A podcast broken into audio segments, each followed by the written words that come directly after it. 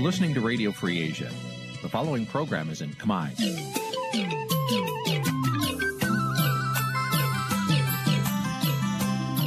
នេះជាកម្មវិធីផ្សាយ Vuthu Azizi Serai នេះជាកម្មវិធីផ្សាយរបស់ Vuthu Azizi Serai ជាភាសាខ្មែរ Vuthu Azizi Serai សូមស្វាគមន៍លោកអ្នកនាងទាំងអស់ពីរដ្ឋធានី Washington នៃសហរដ្ឋអាមេរិក បាទប្រធានាធិបតីវ៉ាស៊ីនតោនខ្ញុំបាទទីនសាការីយ៉ាសូមជម្រាបសួរលោកនាងកញ្ញាទាំងអស់ជាទីមេត្រីយើងខ្ញុំសូមជូនកម្មវិធីផ្សាយសម្រាប់យប់ថ្ងៃសុក្រដើម្បីកើតខែពិសាឆ្នាំខាលចត្វាស័កពុរសករាជ2565ត្រូវនៅថ្ងៃទី13ខែឧសភាគ្រិស្តសករាជ2022បាទជាដំបូងនេះសូមជម្រាបលោកនាងកញ្ញាស្ដាប់ព័ត៌មានប្រចាំថ្ងៃដែលមានមេត្តាដូចតទៅ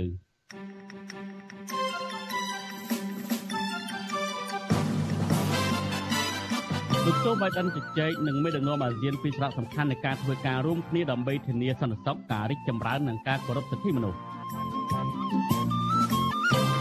អ្នកខ្លមើលថាក្រុមហ៊ុនបញ្ចុះបញ្ចូលនៅអាមេរិកមិនអាចជួយបិទបាំងកេរ្តិ៍ឈ្មោះអាក្រក់របស់របបលោកហ៊ុនសែនបានទេ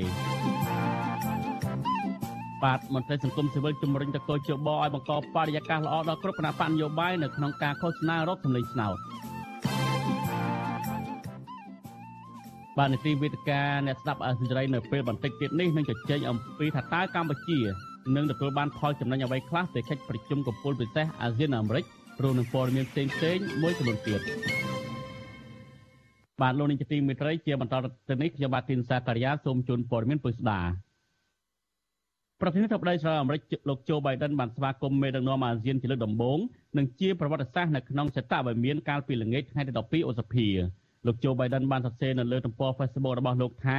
ការស្វាគមន៍មេដឹកនាំអាស៊ាននៅសេតវិមានជាលើកដំបូងនៅក្នុងប្រវត្តិសាស្ត្រនេះគឺដើម្បីបញ្ជាក់ថាសហរដ្ឋអាមេរិកមានការបដិញ្ញាចិត្តខ្ពស់ចំពោះបណ្ដាប្រទេសនៅក្នុងនៅក្នុងតំបន់អាស៊ីអាគ្នេយ៍លោកថានៅក្នុងជំនុំនេះភាគីទាំងពីរបានជជែកអំពីសារៈសំខាន់នៃការធ្វើការរួមគ្នាដើម្បីធានាសន្តិសុខការរីកចម្រើននិងការគោរពសិទ្ធិមនុស្សសម្រាប់ប្រជាជនអាស៊ាននិងអាមេរិកប្រមាណជា1000លាននាក់ ជំនុំនេះបានធ្វើឡើងបន្ទាប់ពីមេដឹកនាំអាស៊ាននិងអគ្គលេខាធិការអាស៊ានបានជួបពិភាក្សាជាមួយប្រធានរដ្ឋសភាអាមេរិកអ្នកស្រី Nancy Pelosi កាលពីល្ងាចថ្ងៃទី11ឧសភានៅក្នុងជំនួបនោះប្រធានរដ្ឋសភាអាមេរិកអ្នកស្រី Nancy Pelosi បានស្វែងរកការគាំទ្រឋានៈរបស់សភាសហរដ្ឋអាមេរិកជាអ្នកសង្កេតការសភាអន្តរសភាអាស៊ាននៅក្នុងសន្និរដ្ឋកថារបស់អ្នកស្រីបានលើកឡើងពីចំណុចសំខាន់សំខាន់ចំនួន3រួមមានបញ្ហា Indo-Pacific បញ្ហាសេដ្ឋកិច្ចនិងការបដិញ្ញាចិត្តរបស់សហរដ្ឋអាមេរិកក្នុងការលើក ដំកើងលទ្ធិប្រជាធិបតេយ្យក្រៅពីនេះអ្នកស្រីក៏បានលើកឡើងពីបញ្ហាការឈ្លានពានរបស់រុស្ស៊ីទៅលើប្រទេសអ៊ុយក្រែនបញ្ហាសមុទ្រចិនខាងត្បូងបញ្ហាជំងឺ Covid-19 ការជំរុញឲ្យមានការប្រើប្រាស់ធម្មពលបៃតងសម្រាប់អនាគតនិងការលុបបំបាត់បញ្ហាអាកាសធាតុជាដើមនៅក្នុងចំនួនបិទទ្វារជិត4ម៉ោងឯនេះវិញអ្នកស្រីក៏លើកឡើងពីក្តីកង្វល់លើការគម្រាមកំហែងទៅលើបញ្ហាលទ្ធិប្រជាធិបតេយ្យសិទ្ធិមនុស្សសេរីភាពសារព័ត៌មាន ការបញ្ចេញមតិជំនឿសាសនានីតិរដ្ឋការគោរពសិទ្ធិស្ត្រីនិងក្មេងស្រីនិងបញ្ហាសហគមន៍អ្នកស្រឡាញ់ភេទដូចគ្នាជាដើម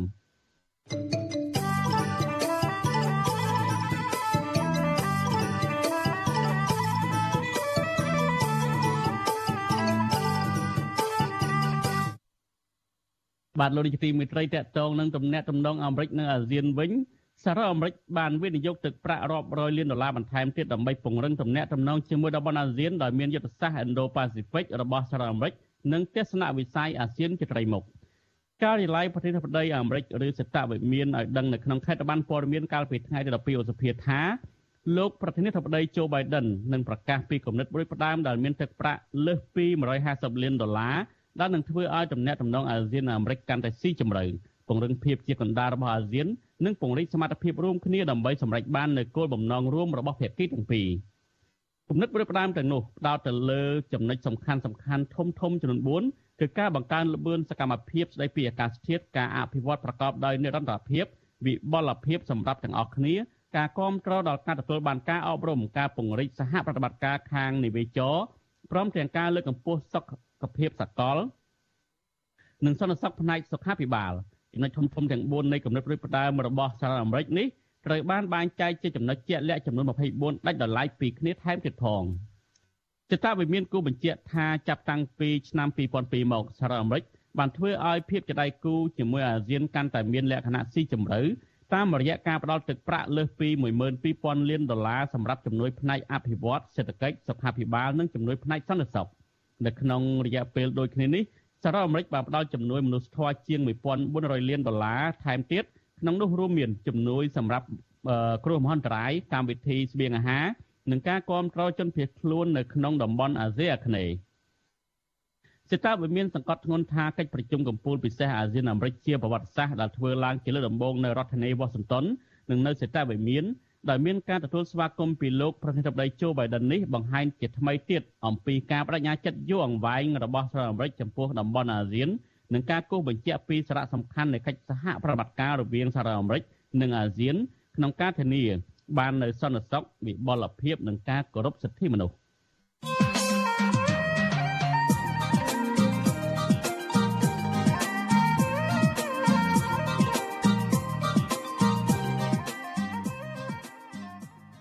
បាទលោកនេះទីមេត្រីដោយដែលលោកនាងបានស្ដាប់រាយការណ៍អំបញ្ញមិញនេះចឹងគឺថាសហរដ្ឋអាមេរិកបានបដិញ្ញាចិត្តកសាងតំណែងតំណងអាស៊ានអាមេរិករយៈពេលយូរអង្វែងជាមួយគ្នាឡើងវិញហើយក្នុងនៅក្នុងពេលដែល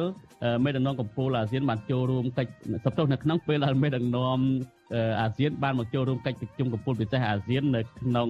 រដ្ឋធានីវ៉ាស៊ីនតោនដែលធ្វើឡើងរយៈពេល2ថ្ងៃគឺកាលពីថ្ងៃទី12និងថ្ងៃទី13ឧសភានេះហើយ នៅក្នុងជំនួបមេដឹកនាំអាស៊ានជាមួយលោកប្រធានាធិបតីអាមេរិកគឺលោកโจ Biden កាលពីថ្ងៃម្សិលមិញនោះគឺលោកបានសន្យាថានឹងដល់ទឹកប្រាក់ចំនួន150លានដុល្លារសម្រាប់អភិវឌ្ឍតំបន់អាស៊ានទាំងមូលបាទចុះសម្រាប់កម្ពុជាវិញនឹងទទួលបានផលចំណេញអ្វីខ្លះពីកិច្ចពីកិច្ចប្រជុំកំពូលអាស៊ានអាមេរិកនេះបាទលោកនាងនឹងបាន ដាប់ទៅនឹងការឆ្លើយតបទៅនឹងសំណួរទាំងនេះពីអ្នកវិភាគរបស់យើងដែលកំពុងតែតាមដានកិច្ចប្រជុំកំពូលអាស៊ានដែលមានជំនាញខាងកិច្ចការនយោបាយអន្តរជាតិផងនោះដែលនឹងយើងនឹងជជែកអំពីបញ្ហានេះហើយបើសិនជាលោកនាងមានសំណួរឬក៏មតិយោបល់ចង់សួរមកកាន់លោកវិក្កាមិនរបស់យើងសូមលោកនាងដាក់លេខទូរស័ព្ទនៅក្នុងខ្ទង់ comment ដែលយើងកំពុងតែផ្សាយផ្ទាល់តាមរយៈ Facebook និង YouTube អាស៊ីសេរីដែលយើងខ្ញុំនឹងតាក់ទងទៅលោកនាងវិញបាទសូមអរគុណ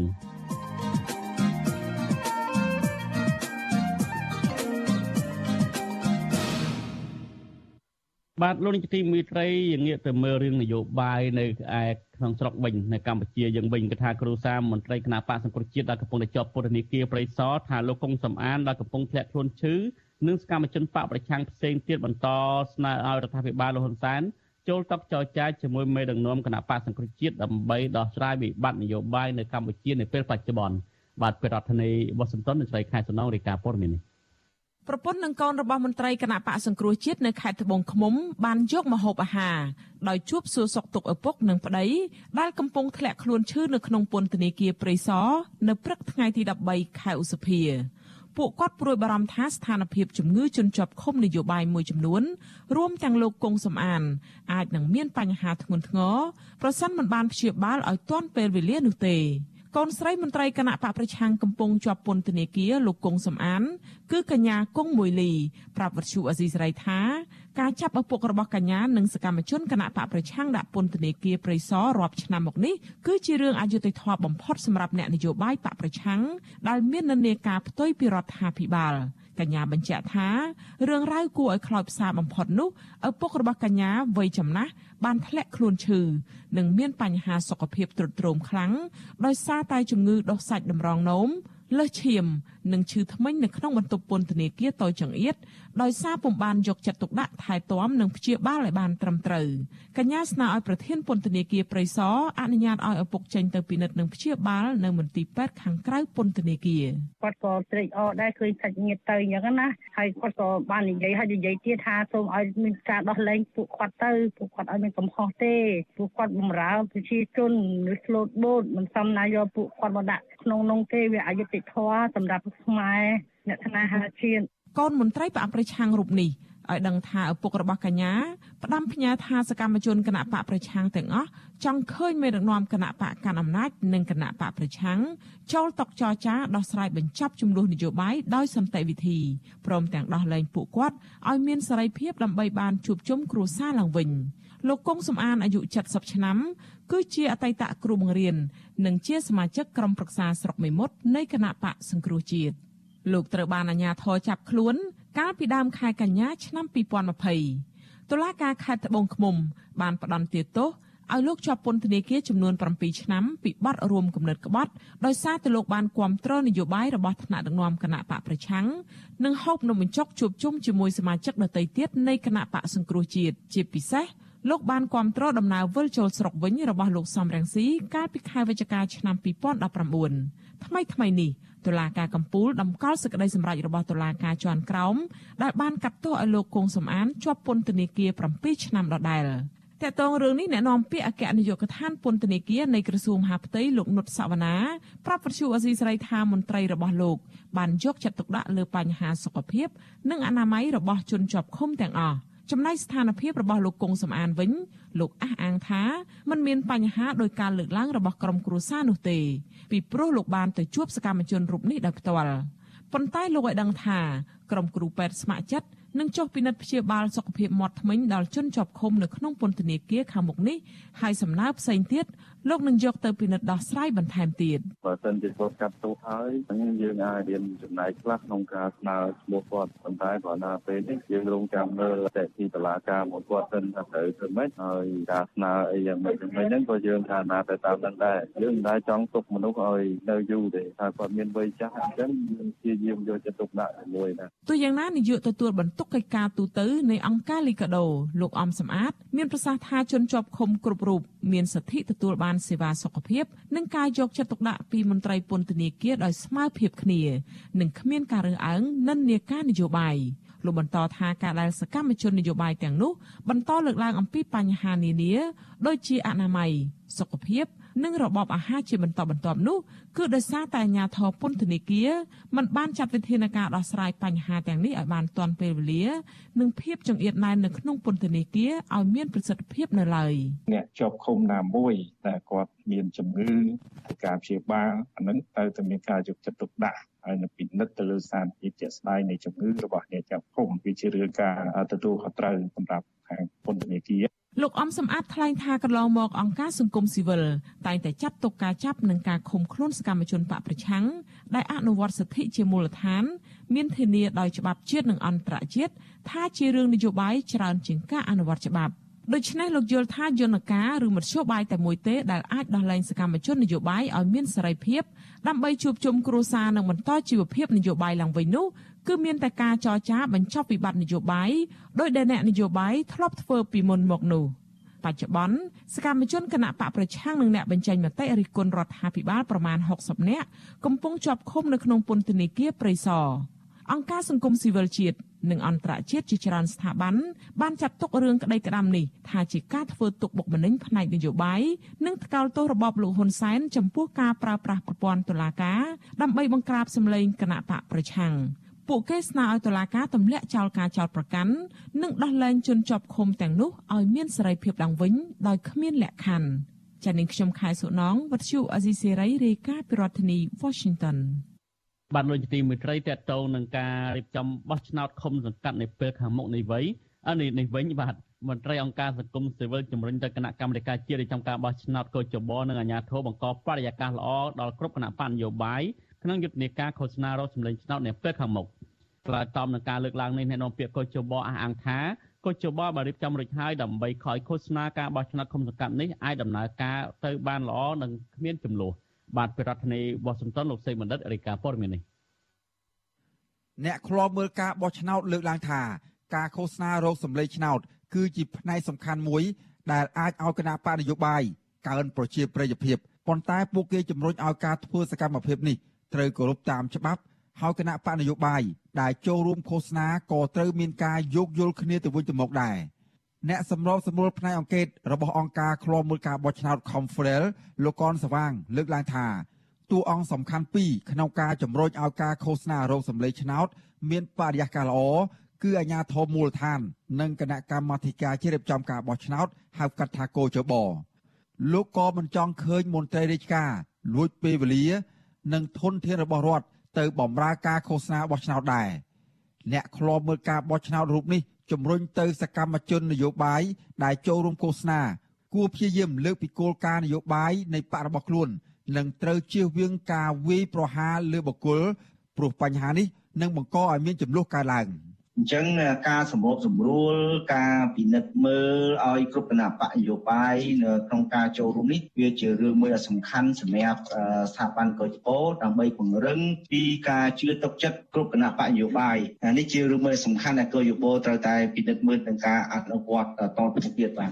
ស្រដៀងគ្នានេះដែរអ្នកនាំពាក្យសមាគមការពារសិទ្ធិមនុស្សអាត6លោកសឹងសានករណាចង់ឃើញមន្ត្រីរាជការជាពិសេសកងកម្លាំងប្រដាប់អាវុធ រក្សាភាពអព្យាក្រឹតលោកសឹងសានករណាក៏ចង់ឃើញមានការកំណត់ធនធានថវិកានៃការឃោសនាបោះឆ្នោតនេះកុំឲ្យមានការចាយលុយលើយុទ្ធនាការនេះខុសគ្នាឆ្ងាយពេក។ ជារឿងធម្មតាទេយើងមានវិសាលភាពធំយើងប្រើប្រាស់លុយធំហើយក៏ប៉ុន្តែអាក្នុងពេលដែលយើងឃើញថាមានការប្រើប្រាស់ធនធានថវិកាទាំងអស់នឹងទៅតាមទីតាំងនៃការប្រកួតប្រជែងនឹងវាហាក់ដូចជាលុបទៅលើអ្នកដែលគាត់មិនមានធនធាននឹងហើយមិនមានឱកាសក្នុងការចូលរួមក្នុងការផ្សព្វផ្សាយពីគោលនយោបាយរបស់ខ្លួនឲ្យបានគ្រប់គ្រាន់ឲ្យស្មើភាពគ្នាណាបាទ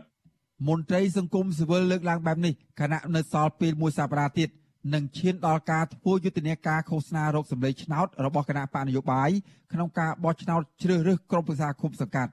ទន្ទឹមគ្នានោះដែរអង្គភាពអ្នកណែនាំពាក្យរដ្ឋាភិបាលលើកឡើងថា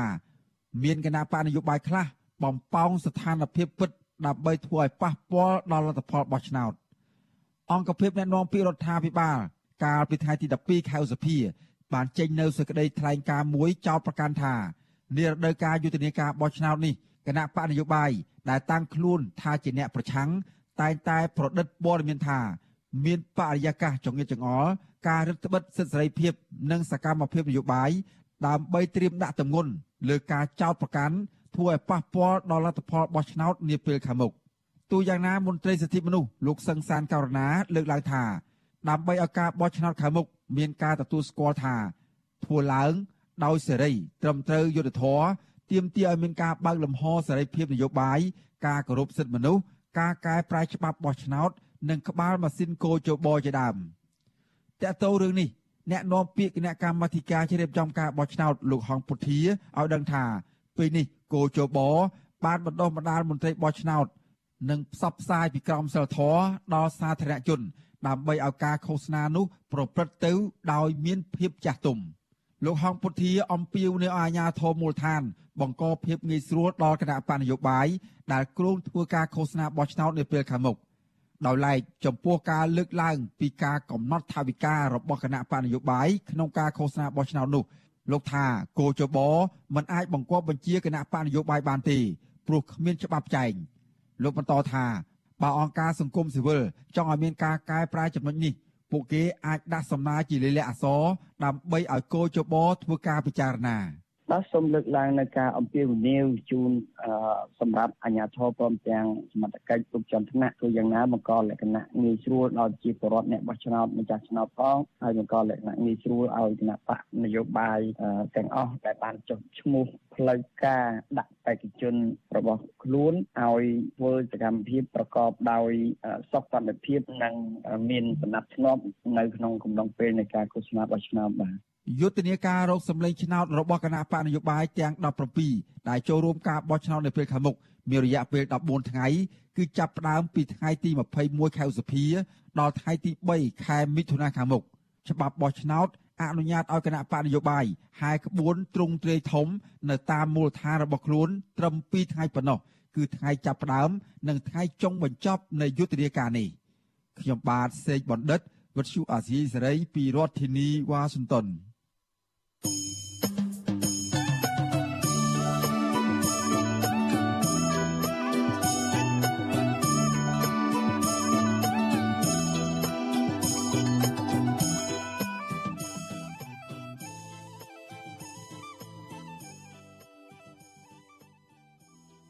បាទលោកនាយកទីមេត្រី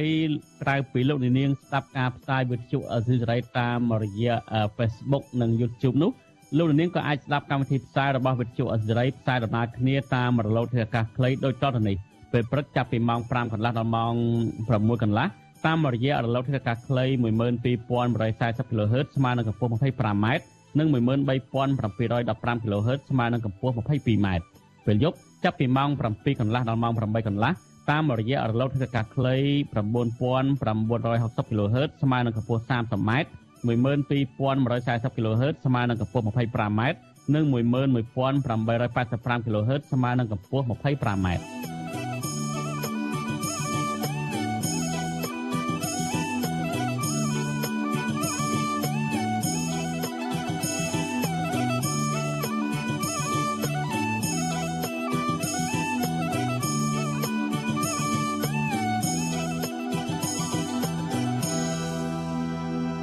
បាទលោកនេះទីមេត្រីយើងងាកទៅមើលចំនួនរវាងកម្មករនិងតកែក្រុមហ៊ុន Naga World ដរ៉ាំរៃវិញអញ្ញាធររាជធានីភ្នំពេញនៅតែបន្តរារាំងក្រុមកោតក្រ Naga World ជាង100នាក់មិនឲ្យចូលតវ៉ានិងលើកបដានៅក្បែរអគារក្រុមហ៊ុននៅថ្ងៃទី13ឧសភានេះ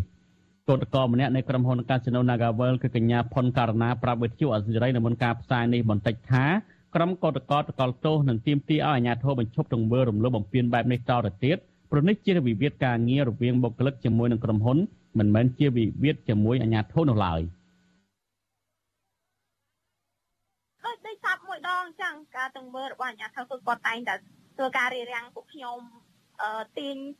រុញច្រានចូលឡានក្រុងដដែលអញ្ចឹងដូចសាប់មួយដងឲ្យដឹកទៅដាក់ជីក្រុងចាដឹកដាក់ជីក្រុងរហូតដល់ល្ងាចម៉ោង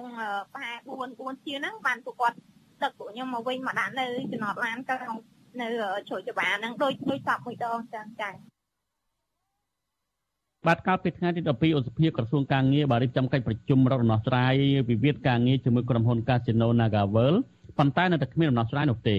ក្រុមហ៊ុនបន្តបដិសេធមិនព្រមយកបុគ្គលិកឲ្យចូលធ្វើការវិញចំនួន200នាក់នោះទេក្រោមហេតុផលថាក្រុមហ៊ុនមានបុគ្គលិកច្រើនលើសតម្រូវការ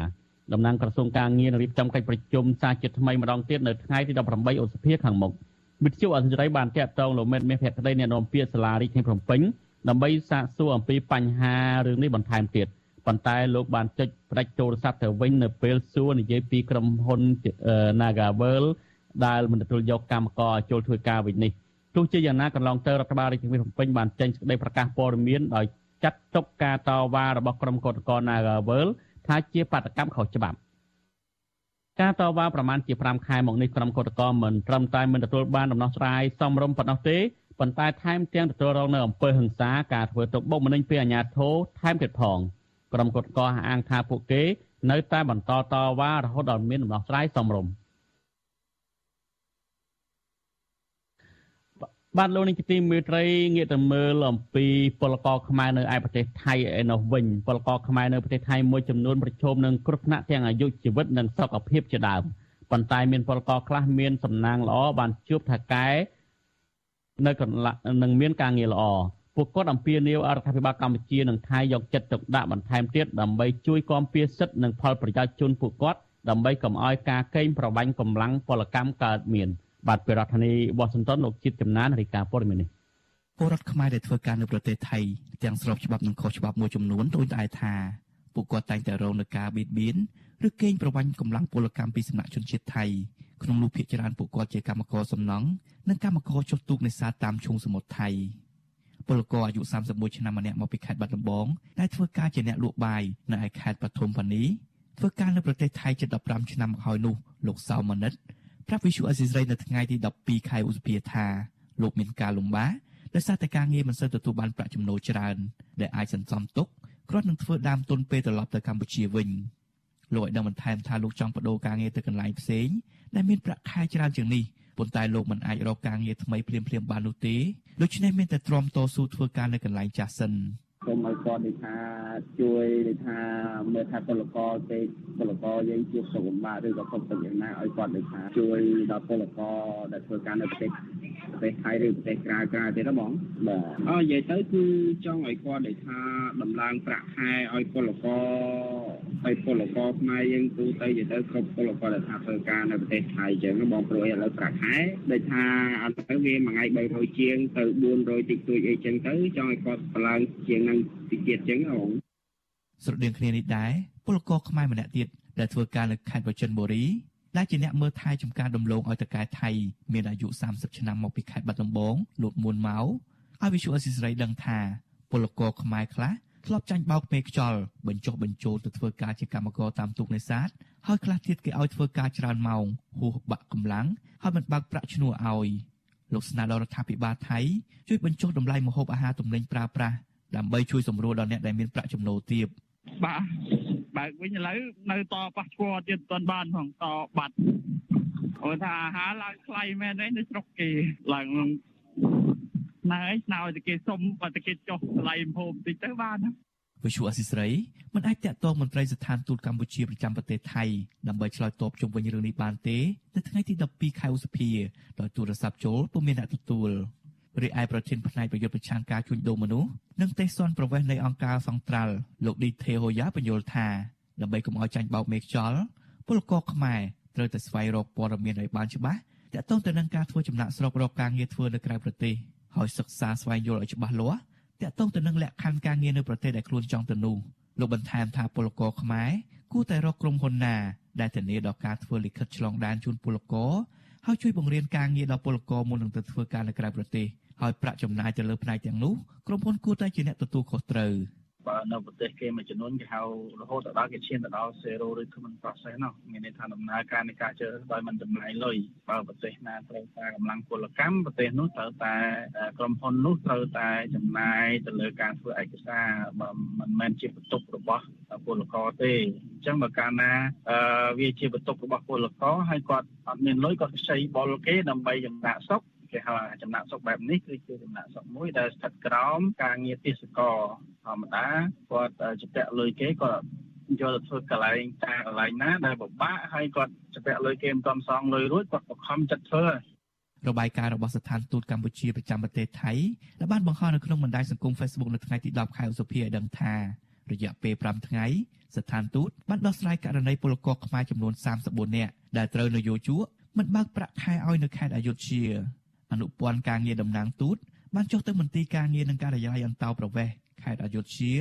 ដើម្បីស្នើសុំការជួយសម្របសម្រួលផ្នែកលក្ខខណ្ឌផ្លូវច្បាប់និងឯកសារផ្សេងៗដល់ពលករខ្មែរក្នុងការបដូរការងារថ្មីគណៈកំពុងដំណើរការរឿងក្តីប្រាក់ឈ្នួលក្នុងទិវាពលកម្មអន្តរជាតិកន្លងទៅលោកនាយករដ្ឋមន្ត្រីហ៊ុនសែនអះអាងថាពលករខ្មែរកំពុងធ្វើការនៅប្រទេសថៃមានចំនួនជាង1លាន2សែននាក់ដែលបានចូលរួមជំរុញកំណើនសេដ្ឋកិច្ចជាតិនិងជីវភាពគ្រួសាររបស់ពួកគេ ប៉ុន្តែរបាយការណ៍ផ្លូវការរបស់អង្គការសង្ត្រាបង្ហាញថាបច្ចុប្បន្នមានពលករខ្មែរធ្វើការស្របច្បាប់និងមិនស្របច្បាប់ជិត2លានអ្នកធ្វើការនៅប្រទេសថៃពលករទាំងនោះតែងតែត្អូញត្អែថាពួកគាត់បង្ខំចិត្តចំណាក់ស្រុកដើម្បីរកប្រាក់ចិញ្ចឹមក្រពះនិងដុសបំណុលព្រោះពួកគាត់គ្មានការងារធ្វើនៅក្នុងស្រុកកំណើតឬការងារក្នុងស្រុកមានប្រាក់ឈ្នួលទាបជាដើមខ្ញុំបាទជាចំណាន Visual Assisray ពីរដ្ឋធានី Washington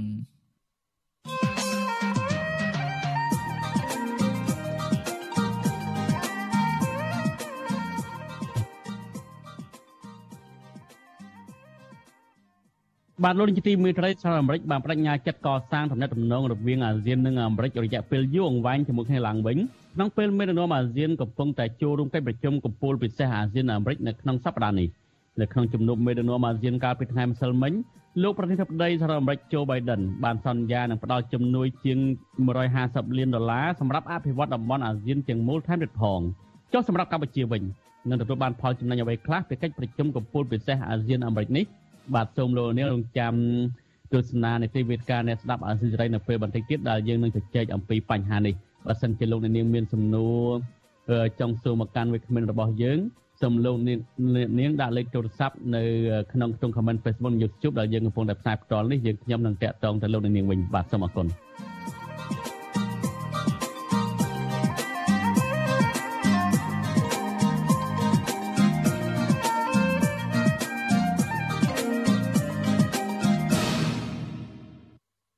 បាទលោកនេះជាទីមេត្រីយុទ្ធនាការជិះកង់ជំវិញ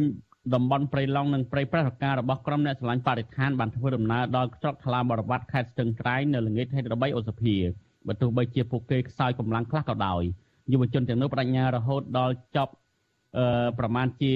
600គីឡូម៉ែត្រដែលឆ្លងកាត់ខេត្តចំនួន4គឺខេត្តកំពង់ធំព្រះវិហារស្ទឹងត្រែងនិងខេត្តក្រចេះហើយត្រូវចំណាយពេល10ថ្ងៃទៀតមកទល់ពេលនេះពួកគេធ្វើដំណើរបានប្រវែងជាង200គីឡូម៉ែត្រហើយ បាទសូមលោកនាងរងចាំស្ដាប់សេចក្តីរាយការណ៍នេះពឹស្ដានៅក្នុងការផ្សាយរបស់យើងនាព្រឹកស្អែកបាទលោកនាងជាទីមេត្រីនៅខេត្តកំពង់ស្ពឺឯនេះវិញប្រជាសហគមន៍ការពារព្រៃឈើជិត1000នាក់ព្រោះនៅខេត្តកំពង់ស្ពឺ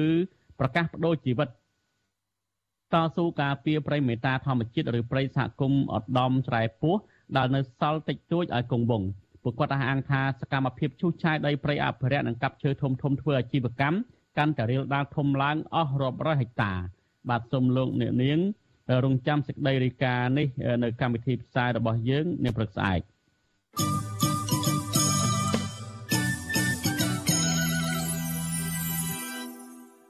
បាទលោកនាយកទីមេត្រីប្រធានាធិបតីឆ្លងអាមេរិកជូបៃដិនបានស្វាគមន៍មេដឹកនាំអាស៊ានជាលើកដំបូងនិងជាប្រវត្តិសាស្ត្រនៅក្នុងសេតវិមានកាលពីល្ងាចថ្ងៃទី12ឧសភាលោកជូបៃដិនបានសរសេរនៅលើទំព័រ Facebook របស់លោកថាការស្វាគមន៍មេដឹកនាំអាស៊ាននៅសេតវិមានជាលើកដំបូងនៅក្នុងប្រវត្តិសាស្ត្រនេះ គឺដើម្បីបញ្ជាក់ថាសហរដ្ឋអាមេរិកមានការបដិញ្ញាចិត្តខ្ពស់ចំពោះបណ្ដាប្រទេសនៅតំបន់អាស៊ីអាគ្នេយ៍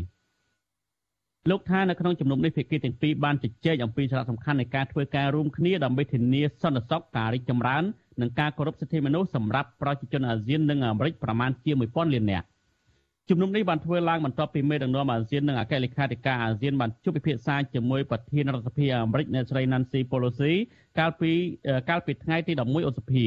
នៅក្នុងជំនុំនោះប្រធានសភាអាមេរិកអ្នកស្រី Nancy Pelosi បានស្វែងរកការគ្រប់គ្រងឋានៈរបស់សភាសហរដ្ឋអាមេរិកជាអ្នកសង្កេតការសភាអន្តរសភាអាស៊ាននៅក្នុងសន្ទរកថារបស់អ្នកស្រីបានលើកឡើងពីចំណុចសំខាន់សំខាន់ចំនួន3រួមមានបញ្ហា Indo-Pacific បញ្ហាសេដ្ឋកិច្ចនិងការបដិញ្ញាចិត្តរបស់សហរដ្ឋអាមេរិកក្នុងការលើកដំកើងលទ្ធិប្រជាធិបតេយ្យក្រៅពីនេះអ្នកស្រីក៏បានលើកឡើងពីបញ្ហាការឈ្លានពានរបស់រុស្ស៊ីទៅលើប្រទេសអ៊ុយក្រែន បញ្ហាសមុទ្រចិនខាងត្បូងបញ្ហាជំងឺ Covid-19 ការជំរុញឲ្យមានការប្រើប្រាស់ធម្មពលបៃតងសម្រាប់អនាគតនិងការលុបបំបាត់បញ្ហាអាកាសធាតុជាដើមនៅក្នុងជំនួបបិទទ្វារជិត4ម៉ោងនេះអ្នកស្រីក៏លើកឡើងពីកង្វល់ការលើកពីសំទោសអ្នកស្រីក៏លើកឡើងពីក្តីកង្វល់លើការគម្រិតកំហែងទៅលើបញ្ហាលទ្ធិប្រជាធិបតេយ្យសិទ្ធិមនុស្សសេរីភាពសារព័ត៌មានការបញ្ចេញមតិសាសនានីតិរដ្ឋការគោរពសិទ្ធិស្ត្រីក្មេងស្រី និងបញ្ហាសហគមន៍អ្នកស្រឡាញ់ភេទដូចគ្នាបានលោកនាយកទីមេត្រីនៅក្នុងកិច្ចប្រជុំថ្ងៃទី2គឺនៅថ្ងៃទី13ឧសភានេះដែរបាទលោកជុនច័ន្ទបុតបានទៅចូលរួមស្ដាប់នៅក្នុងកិច្ចប្រជុំនេះដោយផ្ទាល់ហើយលោកនឹងមានសេចក្តីរាយការណ៍ជូនលោកអ្នកនាងដែលនិយាយអំពីកិច្ចប្រជុំអាស៊ានដំណើរការកិច្ចប្រជុំអាស៊ាននៅថ្ងៃទី13ឧសភានេះបាទសូមលោកនាងរងចាំស្ដាប់សេចក្តីរាយការណ៍របស់លោកជុនច័ន្ទបុតនៅក្នុងការផ្សាយរបស់យើងអឺនៅពេលក្រោយទៀតបាទ លោកនាងជាទីមេត្រីនៃវិភាគនយោបាយនៅវិភាគនយោបាយនិងវិជាសាស្ត្រនយោបាយលើកឡើងថាលោកនាយករដ្ឋមន្ត្រីហ៊ុនសែនមិនអាចជួលក្រុមហ៊ុនបញ្ចុះបញ្ចូលឬ lobby របស់អាមេរិកឲ្យជួយលុបកេរ្តិ៍ឈ្មោះអាក្រក់របស់លោកបានឡើយពួកគេរិះគន់ទង្វើរបស់រដ្ឋាភិបាលលោកហ៊ុនសែនថាកំពុងតែខ្ជិះខ្ជាយថវិកាជាតិប្រតិកម្មនេះធ្វើឡើងក្រោយពីមានក្រោយពីលោកហ៊ុនសែនបានជួបតំណាងក្រុមហ៊ុនបញ្ចុះបញ្ចូល lobby កាលពីថ្ងៃទី12ឧសភាក្នុងគោលបំណងស្ដារទំនាក់ទំនងកម្ពុជានិងអាមេរិកឲ្យល្អឡើងវិញ។បាទនៅស្រីពីរដ្ឋធានីវ៉ាស៊ីនតោននៅស្រីម៉ៅសុធីនីរាយការណ៍ព័ត៌មាននេះអ្នកវិភាគនយោបាយនិងអ្នកខ្លំមើលរិគុណថាលោកនាយករដ្ឋមន្ត្រីហ៊ុនសែនប្រើប្រាស់ថវិកាជាតិដើម្បីជួក្រុមហ៊ុន បញ្ចុះបញ្ចូលរបស់អាមេរិកគឺមិនបានផលចំណេញអ្វីដល់ជាតិឡើយ អ្នកវិភាគនយោបាយលោកកឹមសុខលើកឡើងថាលោកហ៊ុនសែនខ្ជះខ្ជាយថវិកាជាតិក្នុងការជួក្រុមហ៊ុន បញ្ចុះបញ្ចូលអាមេរិកនោះគឺនឹងមិនអាចស្ដារទំនាក់ទំនងល្អជាងមុនជាមួយសហរដ្ឋអាមេរិកបានឡើយ។ លោកបន្តថាទោះបីជាលោកហ៊ុនសែនប្រឹងប្រែងចំណាយថវិកាជាតិជួក្រុមហ៊ុនបញ្ចុះបញ្ចូលយ៉ាងណាក្តីក៏លោកមិនអាចបិទបាំងការបំផ្លាញប្រជាធិបតេយ្យនិងការរំលោភសិទ្ធិមនុស្សធ្ងន់ធ្ងរក្រោយពីមានការរំលាយគណៈបពប្រឆាំងកាលពីឆ្នាំ2017លើពីនេះទៀតលោកកឹមសុខថាលោកហ៊ុនសែនមិនបានអនុវត្តគោលនយោបាយអព្យាក្រឹតនោះទេ ដោយនៅតែបន្តលំអៀងខ្លាំងទៅរកចិន។ ការដែលក្រុមលោកហ៊ុនសែនប្រឹងជួលក្រុមហ៊ុន lobby របស់សហរដ្ឋអាមេរិកគឺដោយសារតែទំនាក់ទំនងការទូតរវាងរដ្ឋបាលលោកហ៊ុនសែននិងរដ្ឋបាលអាមេរិកកាំងមានលក្ខណៈរង្គៀសចិត្តគ្នាកាន់តែខ្លាំងហើយកម្រិតទាបមែនទែនមិនមែនដល់កម្រិតខ្ពស់បំផុតដោយដែលលោកហ៊ុនសែនបានអួតនោះទេប្រសិនបើកម្រិតខ្ពស់មិនចាំបាច់ទៅជួលក្រុមហ៊ុនឯកជនអស់លុយដើម្បីទៅ lobby សភានិងរដ្ឋាភិបាលអាមេរិកកាំងទេ ប្រតិកម្មអ្នកវិភាគរូបនេះធ្វើឡើងក្រោយពីលោកនាយករដ្ឋមន្ត្រីហ៊ុនសែនបានជួបពិភាក្សាការងារជាមួយតំណាងក្រុមហ៊ុនប្រឹក្សាអខិនកម្មដែលមានជំនាញផ្ដល់យោបល់និងបញ្ចុះបញ្ចូលផ្នែកច្បាប់របស់អាមេរិកគឺលោក Scott David Pavin ដើម្បីបង្ហាញចំហនិងបង្កើនទំនាក់ទំនងឲ្យកាន់តែមានភាពស្និទ្ធស្នាលរវាងកម្ពុជា និងសហរដ្ឋអាមេរិក លោកហ៊ុនសែនក៏បានណែនាំដល់ក្រុមហ៊ុនបញ្ចុះបញ្ចូលរបស់អាមេរិកដែលបានជួលនោះថាការចោទប្រកាន់របស់អាមេរិកមកលើកំពង់ផែរៀមថាមានវត្តមានមូលដ្ឋានយោធាចិន គឺជារឿងមិនពិតលោកថាកម្ពុជាមានគោលចំហច្បាស់លាស់ដោយប្រកាន់នយោបាយអព្យាក្រឹតអចិន្ត្រៃយ៍ដែលមានចែងច្បាស់ក្នុងរដ្ឋធម្មនុញ្ញហើយកម្ពុជាក៏គ្មាននយោបាយជ្រើសរើសរវាងចិននិងអាមេរិកនោះឡើយ លើពីនេះទៀតលោកហ៊ុនសែនក៏បានអះអាង ថាការអនុញ្ញាតឲ្យនាវារបស់ប្រទេសនានាចូលចតនៅកំពង់ផែកម្ពុជានេះ គឺជាការបង្ហាញឲ្យឃើញនូវការធ្វើទំនាក់ទំនងដោយបើកចំហរវាងកម្ពុជាជាមួយបណ្ដាប្រទេសជាមិត្តតែប៉ុណ្ណោះក្រសួងយុទ្ធភ័ពអាមេរិកលាតត្រដាងថារដ្ឋាភិបាលលោកហ៊ុនសែនចំណាយលុយជិត1លានដុល្លារពេញមួយឆ្នាំ2022 ដើម្បីជួសក្រុមហ៊ុនមេតាវីអាមេរិកថ្មីនេះឲ្យជួយបញ្ចុះបញ្ចូលរដ្ឋាភិបាលអាមេរិកដើម្បីស្ដារទំនាក់ទំនងទ្វេភាគីកម្ពុជានិងអាមេរិកឡើងវិញ។វិទ្យុអសីស្រីមិនអាចតតងសុំការបញ្ជាក់បន្ថែមរឿងនេះពីប្រធានអង្គភិបអ្នកនាំពាក្យរដ្ឋាភិបាលលោកផៃស៊ីផាន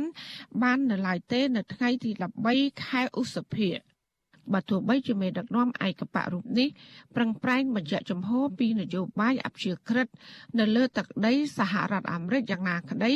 អ្នកតាមដានស្ថានភាពនយោបាយថាសហរដ្ឋអាមេរិកទំនងដឹងច្បាស់ពីការដឹកនាំប្រទេសរបស់លោកហ៊ុនសែនដែលកាន់តែផ្ដាច់ការក្រោយពីបំផ្លាញប្រជាធិបតេយ្យ ក្រោយពីមានការរំលាយគណៈបពប្រឆាំងលោកហ៊ុនសែនក៏បានព្យាយាមអោបកសោបចិនកាន់តែខ្លាំងហើយលោកក៏បានបញ្យុះសហរដ្ឋអាមេរិកឲ្យបញ្ញាប់អនុម័តច្បាប់ដាក់ទណ្ឌកម្មលើមន្ត្រីកម្ពុជាដែលមានជាប់ពាក់ព័ន្ធការប្រព្រឹត្តអំពើពុករលួយ និងការរំលោភសិទ្ធិមនុស្ស អ្នកជំនាញផ្នែកច្បាប់និងវិជាសាស្ត្រនយោបាយកញ្ញាសេងធីរីមិនភ្ញាក់ផ្អើលឡើយចំពោះរបបផ្ដាច់ការដែលចំណាយថវិកាជាតិអស់រាប់លានដុល្លារក្នុងការជួសក្រុមហ៊ុនអាមេរិកដើម្បីបញ្ចុះបញ្ចូលឲ្យអ្នកនយោបាយសហរដ្ឋអាមេរិកមើលឃើញពីការដឹកនាំប្រទេសតាមបែបប្រជាធិបតេយ្យ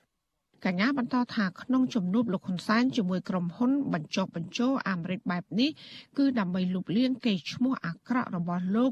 ស្របពេលដែលលោកចូលរួមកិច្ចប្រជុំកម្ពុជាពិសេសអាស៊ានអាមេរិកនៅលើទឹកដីអាមេរិក ហ៊ុនសែនមិនមែនក្នុងនាមគាត់ជាបុគ្គលគេទទួលថ្នាក់ដឹកនាំអាស៊ានឬគឺចង់ក្រងជាមួយស្ថាប័នអាស៊ានទេប៉ុន្តែមិនក៏ដោយក៏មានលោកហ៊ុនសែនសម្ដែងសង្ករកថាជេជាមួយโจ Biden ខ្ញុំគិតថាចិនអត់នៅស្ងៀមទេចិននឹងមានព្រឹត្តិការណ៍ហើយនឹងបិចនៅក្នុងការទាញហ៊ុនសែនទៅខាងគេវិញពីព្រោះយើងដឹងថាចិននឹងលោមហើយនឹងតែកម្ពុជាតាមរយៈលោកហ៊ុនសែនវិញក្នុងកម្រិតណាដែលលោកហ៊ុនសែននឹងទៅរកចិនវិញការចុះកិច្ចព្រមព្រៀងជួលក្រុមហ៊ុនអាមេរិកថ្មីនេះពេញមួយឆ្នាំ2022គឺធ្វើឡើងស្របពេលដែលកម្ពុជាក្លាយជាប្រធានបដូវវេនអាស៊ាន និងក្រោយដែលសហរដ្ឋអាមេរិកបានសម្រេចដាក់ទណ្ឌកម្មមិនលក់ដូរឬរដ្ឋបិទអាវុធផលិតដោយសហរដ្ឋអាមេរិកទៅឲ្យកម្ពុជា។ ទន្ទឹមនេះសហរដ្ឋអាមេរិកក៏បានដាក់ទណ្ឌកម្មជាបន្តបន្ទាប់មកលើមន្ត្រីយោធាជាន់ខ្ពស់កម្ពុជាក្នុងនោះរួមមានលោកចៅភិរុនអគ្គនាយកនៃអគ្គនាយកដ្ឋានសម្ភារៈបច្ចេកទេសនៃក្រសួងការពារជាតិនិងលោកទាវិញមេបញ្ជាការកងទ័ពជើងទឹក ក្រោយតែពីបានរកឃើញថាមន្ត្រីកម្ពុជាទាំងពីររូបនេះពាក់ព័ន្ធនឹងការប្រព្រឹត្តអំពើពុករលួយធ្ងន់ធ្ងរជុំវិញគម្រោងធ្វើទំនើបកម្មកំពង់ផែកងទ័ពជើងទឹករៀ មតនកម្មទាំងនេះក៏ជាការឆ្លើយតបទៅនឹងការកើនឡើងនៃអធិបតេយ្យរបស់ចិន មកលើកម្ពុជាស្របពេលដែលសហរដ្ឋអាមេរិកនៅតែបន្តសម្ដែងក្តីបារម្ភរបស់ខ្លួនជុំវិញបញ្ហាសង្ស័យថាកម្ពុជាអនុញ្ញាតឲ្យចិនបោះមូលដ្ឋានទ័ពនៅកំពង់ផែរៀមនិងវត្តមានកងទ័ពចិននៅលើទឹកដីកម្ពុជាសហរដ្ឋអាមេរិកក៏នៅតែបន្តអំពាវនាវដល់កម្ពុជាឲ្យបង្ហាញដំណាភាពជុំវិញរឿងនេះ។ ថ្មីថ្មីនេះទៀតសោតសហរដ្ឋអាមេរិកក៏បានណែនាំក្រុមហ៊ុននិងអ្នកវិនិយោគជនជាតិអាមេរិកទាំងអស់ឲ្យប្រុងប្រយ័ត្នមុននឹងវិនិយោគលើវិស័យហានិភ័យមួយចំនួននៅកម្ពុជា ក្នុងនោះរួមមានវិស័យហិរញ្ញវត្ថុអចលនទ្រព្យកាស៊ីណូនិងហេដ្ឋារចនាសម្ព័ន្ធជាដើម។ នៅទន្ទឹមនេះសេចក្តីស្នើច្បាប់ដាក់ទណ្ឌកម្មជាក់លាក់ចំនួន2ប្រឆាំងនឹងមន្ត្រីជាន់ខ្ពស់នៃរដ្ឋាភិបាលកម្ពុជាក៏កំពុងស្ថិតក្នុងដៃស្ថាប័នប្រសិទ្ធិរបស់អាមេរិកត្រៀមនឹងអនុម័តបន្តទៀតនៅពេលខាងមុខដើម្បីឲ្យប្រធានាធិបតីសហរដ្ឋអាមេរិកចុះហត្ថលេខាជាច្បាប់ផ្លូវការ។ នេះគឺជាលើកទី4ហើយដែលរបបក្រុងភ្នំពេញបានចំណាយទឹកប្រាក់រាប់សែនដុល្លារក្នុងមួយឆ្នាំមួយឆ្នាំ ដើម្បីជួក្រុមហ៊ុនអាមេរិកដែលជំនាញខាងច្បាប់ឲ្យផ្ដល់សេវាកម្មបញ្ចុះបញ្ចូលពាក់ព័ន្ធនឹងគោលនយោបាយរបស់សហរដ្ឋអាមេរិកមកលើកម្ពុជាកន្លងមកកម្ពុជាបានជួក្រុមហ៊ុនបញ្ចុះបញ្ចូលឈ្មោះ Covis Communication ដោយចំណាយប្រាក់ប្រចាំខែ770,000ដុល្លារ បន្ទាប់មកជួក្រុមហ៊ុនបញ្ចុះបញ្ចូលឈ្មោះ Brownston Hyatt Fabershek ដោយចំណាយទឹកប្រាក់ចំនួន720,000ដុល្លារក្នុងមួយឆ្នាំចាបន្ទាប់មកលោកហ៊ុនសែនក៏បានជួក្រុមហ៊ុនបញ្ចុះបញ្ចូលឈ្មោះ Park Rim Bridge ដោយចំណាយទឹកប្រាក់ចំនួនកន្លះលានដុល្លារក្នុងមួយឆ្នាំ។ ក្រុមអ្នកជំនាញថាបើរដ្ឋាភិបាលលោកហ៊ុនសែននៅតែបន្តលំអៀងទៅរកចិននិងមិនព្រមជំរះនៅមន្ទិលអំពីវត្តមានកងទ័ពចិន កម្ពុជានឹងខាតបង់ផលប្រយោជន៍ពីសហរដ្ឋអាមេរិកបន្ថែមទៀតពួកគាត់យល់ថាជំនួសការប្រើថវិកាជាតិដើម្បីជួក្រុមហ៊ុនអាមេរិកលោកហ៊ុនសែនគួរតែគិតគូរស្ដារប្រជាធិបតេយ្យ បញ្ឈប់ការធ្វើទុកបុកម្នេញលើសកម្មជនសង្គមនយោបាយនិងត្រូវតែមានគណៈកម្មាធិការជាតិជួបចំការបោះឆ្នោតដោយភាពសុក្រិតនិងយុត្តិធម៌ចា៎នាងខ្ញុំម៉ៃសុធានីវិទ្យុអាស៊ីស្រីប្រធានាធិបតី Washington បាទលោកនាយកទីមេត្រីលោកនេះទើបបានស្ដាប់ព័ត៌មានប្រចាំថ្ងៃរបស់វិទ្យុអសិរ័យដែលរៀបចំដោយខ្ញុំបាទទីនសាករិយានៅនៅពេលបន្តិចនេះយើងសូមលោកនាងរងចាំស្ដាប់នីតិវិទ្យាអ្នកស្ដាប់អសិរ័យ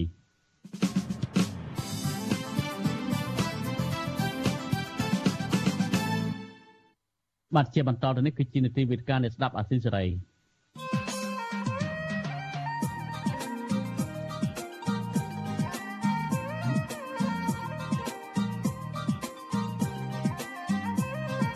វេទិកាអ្នកស្ដាប់វិទ្យុអាស៊ីសេរី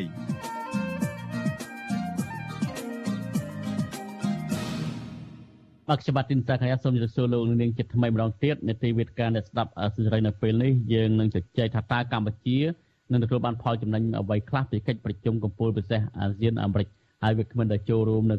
ក្នុងការចែកភាសាលើប្រធានបទនេះយើងមានកញ្ញាសេនធារីដែលជាអ្នកជំនាញខាងច្បាប់និងនយោបាយអន្តរជាតិហើយនឹងលោកអែមសវណ្ណរា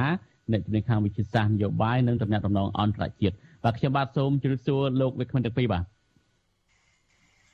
ជំរាបសួរលោកសាធារីយ៉ាជំរាបសួរលោកអែម អែមសវណ្ណរាបាទអែមសវណ្ណរាបាទអរគុណច្រើនជំរាបសួរកញ្ញាសេរីជំរាបសួរប្រិយមិត្តអាស៊ីសេរីទាំងអស់បាទកម្មវិធីផ្សាយសេរីម្ដងទៀតហើយនឹងលោកអែមសវណ្ណរា បាទដោយដែលលោកទាំងពីរបានដឹងហើយនៅក្នុងពេលដែលមេដឹកនាំកម្ពុជាអាស៊ានដែលមកចូលរួមក្នុងកិច្ចប្រជុំកម្ពុជាអាស៊ានអាមេរិកនេះគឺឃើញថាអាមេរិកហ្នឹងគឺមេដឹកនាំអាមេរិកបានបញ្ញាចិត្តយ៉ាងខ្លាំង លើលើការបង្កើតទំនាក់ទំនងរវាងតំបន់អាស៊ានហើយនិងអាមេរិកនេះហើយយើងឃើញហើយគឺអាមេរិកនឹងបានចំណាយលុយច្រើនមែនទែនសម្រាប់អភិវឌ្ឍនៅតំបន់អាស៊ានទាំងមូលហើយគិតពីឆ្នាំ2002មកនោះគឺជាង12000លានដុល្លារអាមេរិកដែលអាមេរិកបានផ្ដល់ទៅឲ្យកម្ពុជាហើយនៅក្នុងជំនួបរវាងមេដឹកនាំអាស៊ានហើយនិងមេដឹកនាំអាមេរិកកាលពីខែសំមិញហ្នឹងគឺលោកโจ Biden បានសន្យាថានឹង ផ្ដល់ឲ្យ100ជាង100ប្រមាណជាង150លានថែមទៀតសម្រាប់អភិវឌ្ឍនៅតំបន់អាស៊ាននេះយើងមើលឃើញថាទាំងអាមេរិកក៏សន្យាផ្ដល់លើការអភិវឌ្ឍតំបន់អាស៊ាន ទាំងចិនហ្នឹងក៏កាលពីឆ្នាំទៅហ្នឹងក៏ថានឹងផ្ដល់ឲ្យកម្ពុជាប្រមាណជា1500លានដុល្លារអាមេរិកឯណោះហើយតាក់ទងទៅនឹងមហាអំណាចទាំងពីរផ្ដល់ជំនួយហើយពង្រឹងទំនាក់ទំនងរវាងអាមេរិកហើយនិងតំបន់អាស៊ាននេះនៅការជជែកនេះ ទោះបីជាឥឡូវហ្នឹងកិច្ចប្រជុំហ្នឹងកំពុងតែកំពុងតែជជែកអំពីតំបន់កិច្ចប្រជុំតំបន់អាស៊ានទាំងមូលក៏ដោយប៉ុន្តែនៅក្នុងកិច្ចពិភាក្សារបស់យើងនៅពេលនេះយើងចង់ញែកដាច់ថាតើកម្ពុជានឹងមានផលចំណេញអ្វីខ្លះទៅលើកិច្ចប្រជុំកំពូលពិសេសអាស៊ានអាមេរិកនេះបាទជាដំបូងនេះខ្ញុំសូមដាក់សំណួរនេះទៅកញ្ញាសេងធារីតែម្ដងដោយកញ្ញាខ្ញុំជឿថាលោកវិក្កាមទាំងពីរបានតាមដានកិច្ចប្រជុំនេះយ៉ាងយកចិត្តទុកដាក់នៅបាទសូមជ័យបាទ កិច្ចប្រជុំកម្ពុជាពិសេសរវាងអាមេរិកហើយអាស៊ានដែលកំពុងកើតឡើងនៅ Washington DC មានសារៈសំខាន់ចំពោះកម្ពុជាទាំងមូលចំពោះរបបផ្ដាច់ការនេះផងហើយចំពោះប្រជាពលរដ្ឋអឺហើយអ្នកប្រជាធិបតេយ្យពីព្រោះអឺកិច្ចប្រជុំកម្ពុជាអឺពីលោកសេរីវាអាចជួយទប់ទល់មហាអំណាចចិនណា ពួកគាត់ក៏ធ្វើបែបនឹងដែរប៉ុន្តែគាត់អត់ប្រើភាសាចិនទេគាត់អត់ប្រើថាអូគាត់មានកិច្ចប្រជុំកម្ពុជានេះដើម្បីទប់ទល់មហាអំណាចចិនទេគាត់អត់ប្រើភាសានឹងទេគាត់ប្រើប៉ុន្តែយើងដឹងថានេះជាគោលបំណងអឺពីព្រោះអ្នកណាគេក៏ខ្លាចចិនដែរពិសេសឥឡូវចិនជាមហាអំណាចដែលកំពុងរីករាលដាលពិសេសកំពុងប្រើកម្ពុជាដែលភុយស្រួយសម្រាប់ជាចំនួនរៀលដាលទៅទីកន្លែងផ្សេងទៀតបានចឹងយើងអឺ អបអរសាទរចំពោះកិច្ចប្រជុំកំពូលពិសេសពិសេសមែនទែនយើងឃើញការស្វាគមន៍ពីសហរដ្ឋអាមេរិកមានសារៈសំខាន់ចំពោះកម្ពុជា របបផ្ដាច់ការនេះផងហើយចំពោះប្រជាពលរដ្ឋខ្មែរផង នៅក្នុងការទប់ទល់អំណាចអញ្ចិនយើងស្វាគមន៍អំណាចសេរីដែលអមជាមួយបំណងប្រឆារបស់យើងប៉ុន្តែអំណាចណាដែលប្រឆាំងហើយធ្វើឲ្យប្រទេសជាតិយើងទុនខ្សោយយើងបដិសេធ បានជាងយើងអត់ខ្វល់ថានេះជាបរទេសទេយើងខ្វល់អំពីគុណភាពហើយវាស្របជាមួយបំណងប្រាថ្នារបស់យើងឬអត់នៅក្នុងការជួយលើកស្ទួយអា សេរីភាពហើយប្រទេសជាតិឬអត់អានេះហើយជាសំណួរប្រសិនបើចឹងមែនយើងស្វាគមន៍បានចឹងយើងស្វាគមន៍លោកសេរីពីព្រោះយើងចង់មានសេរីភាពយើងចង់មានសិទ្ធិហើយប្រសិនបើគេចង់អមដំណើររបស់យើងយើងស្វាគមន៍បានចឹងកិច្ចប្រជុំនេះមានសារៈសំខាន់ចំពោះកម្ពុជាទាំងមូលអឺបដិការផងហើយប្រជាពលរដ្ឋខ្មែរផងបាទមុនខ្ញុំងាកទៅលោកអានសវណ្ណខ្ញុំចង់បន្តសំណួរទៅកញ្ញាសេនារីបន្តបន្តិចទៀត កញ្ញាសេនារីបានលើកឡើងថាកិច្ចប្រជុំនេះគឺមានសារៈសំខាន់សម្រាប់កម្ពុជាទាំងមូលគឺសម្រាប់កម្ពុជាទាំងមូលមានសារៈសំខាន់ប៉ុន្តែបើយើងមើលអំពីចំណេញនៃកិច្ចប្រជុំនេះវិញតើវាចំណេញសម្រាប់ជាតិទាំងមូលឬក៏វាចំណេញតែសម្រាប់តែរបបលោកហ៊ុនសែនឬក៏គណៈបករបស់លោកបើយើងមើលនៅក្នុងកិច្ចប្រជុំមុនកិច្ចប្រជុំនេះកាលពីថ្ងៃទី11ហ្នឹងគឺថាលោកហ៊ុនសែនហ្នឹងក៏ចំណាយលុយជាតិច្រើនលើសលប់ដែរក្នុងការកែនមនុស្ស ឲ្យមកជួបស្វាគមន៍លោកដែលជាងប្រមាណជា2000នាក់ជាង2000នាក់ហើយជួលសន្តាគារមួយដ៏ថ្លៃនៅក្នុងរដ្ឋធានីវ៉ាស៊ីនតោននេះទៀតហើយតាមខ្ញុំដឹងហ្នឹងគឺថាខ្ញុំបានសម្ភាសអ្នកចូលរួមសមាគមលោកមួយចំនួនដែរថាលោកហ៊ុនសែននឹងចំណាយទាំងលុយលើសម្បត្តិយន្តហោះចំណាយទាំងការស្នាក់នៅលើហូបចុកអីចឹងជាដើមដូចមួយវិញទៀតសេចក្តីរាយការណ៍របស់អ្នកស្រីម៉ៅធានីអំបញ្ញមិញនេះក៏លើកអំពីលោកហ៊ុនសែនចំណាយលុយរាប់លានដុល្លារក្នុងមួយឆ្នាំមួយឆ្នាំជួលក្រុមហ៊ុន Lobby ថែមទៀតនោះ បើយើងមើលអំពីបញ្ហាទាំងអស់នេះអ្វីដែលលោកហ៊ុនសែនខំធ្វើនឹងគឺដើម្បីទាញចំណេញផលប្រយោជន៍ជាតិឬក៏ជាបុគ្គលឯកជនរបស់លោកកញ្ញាសេនធរីបាទអ្វីដែលលោកបានលើកឡើងមិញនឹងអំពីការជួលក្រុមហ៊ុនច្បាប់បញ្ចុះបញ្ចូលនៅក្នុងការបង់ប្រាក់ឲ្យខ្មែរអាមេរិកខ្មែរកាណាដាចូលរួមនៅក្នុងបុកសរុបទៅលានដុល្លារលានដុល្លារអឺ ជាការឆ្លោះបង្ហាញអំពីសារៈសំខាន់របស់របស់ផ្ដាច់ការនឹងលើអង្គិច្ចប្រជុំកម្ពុជាជាក់ស្ដែងហើយកិច្ចប្រជុំកម្ពុជានឹងមានសារៈសំខាន់ផ្ដល់ផលប្រយោជន៍កំពុងផ្ដល់ផលប្រយោជន៍និងផ្ដល់ផលប្រយោជន៍នៅអនាគតដល់របបផ្ដាច់ការនេះពីព្រោះជាក់ស្ដែងហើយឱកាសចូលសិទ្ធិវិមានមិនមែនជាឱកាសធម្មតាទេរូបភាពដែលយើងកំពុងឃើញនឹងមិនមែនជាឱកាសមិនមែនរូបភាពធម្មតាទេវាជារូបរូបភាពអស្ចារ្យមែនពីព្រោះនេះជានិមិត្តរូបកំពូលនៃមហាអំណាចសេរីដែលពិភពលោកទាំងអស់គ្នាគេគោរពបានចឹងយើងអាចវាយទៀបបានទេអ្វីដែលយើងកំពុងឃើញហើយលោកហ៊ុនសែនគាត់ដឹងបានចឹងគាត់យកចិត្តចិត្តទុកដាក់ត្រៀមមិនមែនត្រឹមតែមួយខែមុនពីរខែមុនទេមួយឆ្នាំទៅពីរឆ្នាំមុន នៅក្នុងការទី1បងប្រាក់ជិត1លានដុល្លារសម្រាប់ក្រុមហ៊ុនយើងហៅថា Aiken Gump នៅក្នុងចំណោមក្រុមហ៊ុន4ដែលគាត់បានបញ្ចូលនឹងហើយលើពីក្រុមហ៊ុន Covis ណា Covis នៅដំណើរការ COVID ប្រចាំខែ7 70000មួយខែអានឹងអត់មានពេលកំណត់អញឈប់ទេអានឹងជាបន្តទៅមុខប៉ុន្តែចំពោះក្រុមហ៊ុន Aiken Gump ដែលមានបុគ្គលិកមួយជាពិសេសជាអតីតទីប្រឹក្សាប្រធានាធិបតីអូបាម៉ាតែម្ដង ដែលនៅក្នុងក្រុមហ៊ុននឹងសម្រាប់ឲ្យរៀបចំសម្រាប់តែឆ្នាំ2022 តាំងពីមករា2022ដល់ចុងឆ្នាំនេះពេលវេលាដែលអាស៊ីដែលកម្ពុជាកំពុងកាន់ក្តីអាស៊ាន បានចឹងគាត់យកចិត្តទុកដាក់រៀបចំហ៊ានល្អិតណាស់នៅក្នុងការរក្សាមុខមាត់គាត់ផលប្រយោជន៍គាត់ឲ្យផ្ដល់ភាពស្របច្បាប់ផងឲ្យគាត់ចេញជាមុខមាត់ជាអ្នកថ្លៃថ្នូរផងនៅក្នុងឆាកអន្តរជាតិមិនមែនត្រឹមតែតំបន់ទេប៉ុន្តែពិភពលោកទាំងមូលបានចឹងជាក់ស្ដែងកិច្ចប្រជុំនេះមានផ្ដាកំពុងផ្ដល់ផលប្រយោជន៍ដល់របបផ្ដាច់ការនេះគ្រប់បែបយ៉ាងប៉ុន្តែមកពីយើងឥឡូវនៅក្នុងភាព គ្រោះថ្នាក់ជាមួយចិនហើយយើងត្រូវការមានអំណាចមួយទៀតអញ្ជាទល់យៈភាពតទល់ជាមួយចិន ហើយយើងស្វាគមន៍មហាអំណាចសេរីបានចឹងយើងមកពីយើងគ្រោះថ្នាក់ហើយហើយយើងត្រូវការមានអំណាចមួយទៀតយើងមែនតើអត់ចង់ឲ្យកម្ពុជាคล้ายជាសមរភូមិរវាងមហាអំណាចពីរហ្នឹងឯងប៉ុន្តែជាក់ស្ដែងចិនមានវត្តមានហើយ ដោយយោធាផង ដោយសេដ្ឋកិច្ចផងដោយប្រជាពលរដ្ឋគ្រប់បែបយ៉ាងផ្នែកយោធាផងផ្នែកឧក្រិដ្ឋអង្គរផង បានជាងយើងស្វាគមន៍អំណាចមួយទៀតដែលស្របជាមួយបំណងប្រាថ្នារបស់យើងប៉ុន្តែជាបុកសរុបនៅក្នុងការឆ្លើយតបសំណួររបស់លោកកិច្ចប្រជុំនេះកំពុងផ្ដល់ផលប្រយោជន៍ដល់របបផ្ដាច់ការ អឺប៉ុន្តែក៏ផ្ដល់ផលប្រយោជន៍ឲ្យយើងជាប្រជាពលរដ្ឋដែរពីព្រោះជាមហាអំណាចដែលយើងចង់បានឲ្យមានវត្តមានទល់ទល់នឹងចិនបាទអរគុណច្រើនកញ្ញាសេងធារីនៅក្នុងការជជែកនេះយើងញែកជាពីរវគ្គនៅវគ្គបន្ទាប់ខ្ញុំនឹងសួរលោកវិក្កាមទាំងពីរក្រៅពីផ្ដល់ផលប្រយោជន៍ហ្នឹងតើវាមានផលអត់ប្រយោជន៍វិញទេសម្រាប់កម្ពុជាឬក៏សម្រាប់របបផ្ដាច់ការសម្រាប់របបលហ៊ុនសែននោះបាទ ខ្ញុំសួរទៅងាកទៅលោកអែនសវណ្ណរាវិញអឺជាការចាប់អារម្មណ៍របស់លោកតើកម្ពុជានឹងទទួលបានផលចំណេញអ្វីខ្លះនៅក្នុងកិច្ចប្រជុំកំពូលពិសេសអាស៊ានអាមេរិកបាទសូមជ័យលោកអែនសវណ្ណរាបាទបាទសូមជម្រាបសួរប្រិយមិត្តអាស៊ីសេរីជាថ្មី តាមការសង្កេតមើលយើងមើលភាគីសហរដ្ឋអាមេរិកកន្លងមកមើលមកក្នុងខ្សែភ្នែកសហរដ្ឋអាមេរិកមើលមកកម្ពុជាមិនបានផ្ដល់តម្លៃទេកន្លងមកដូចជា ការបោះឆ្នោតជាតិឆ្នាំ2018 2019សហរដ្ឋអាមេរិកតែងតែចេញ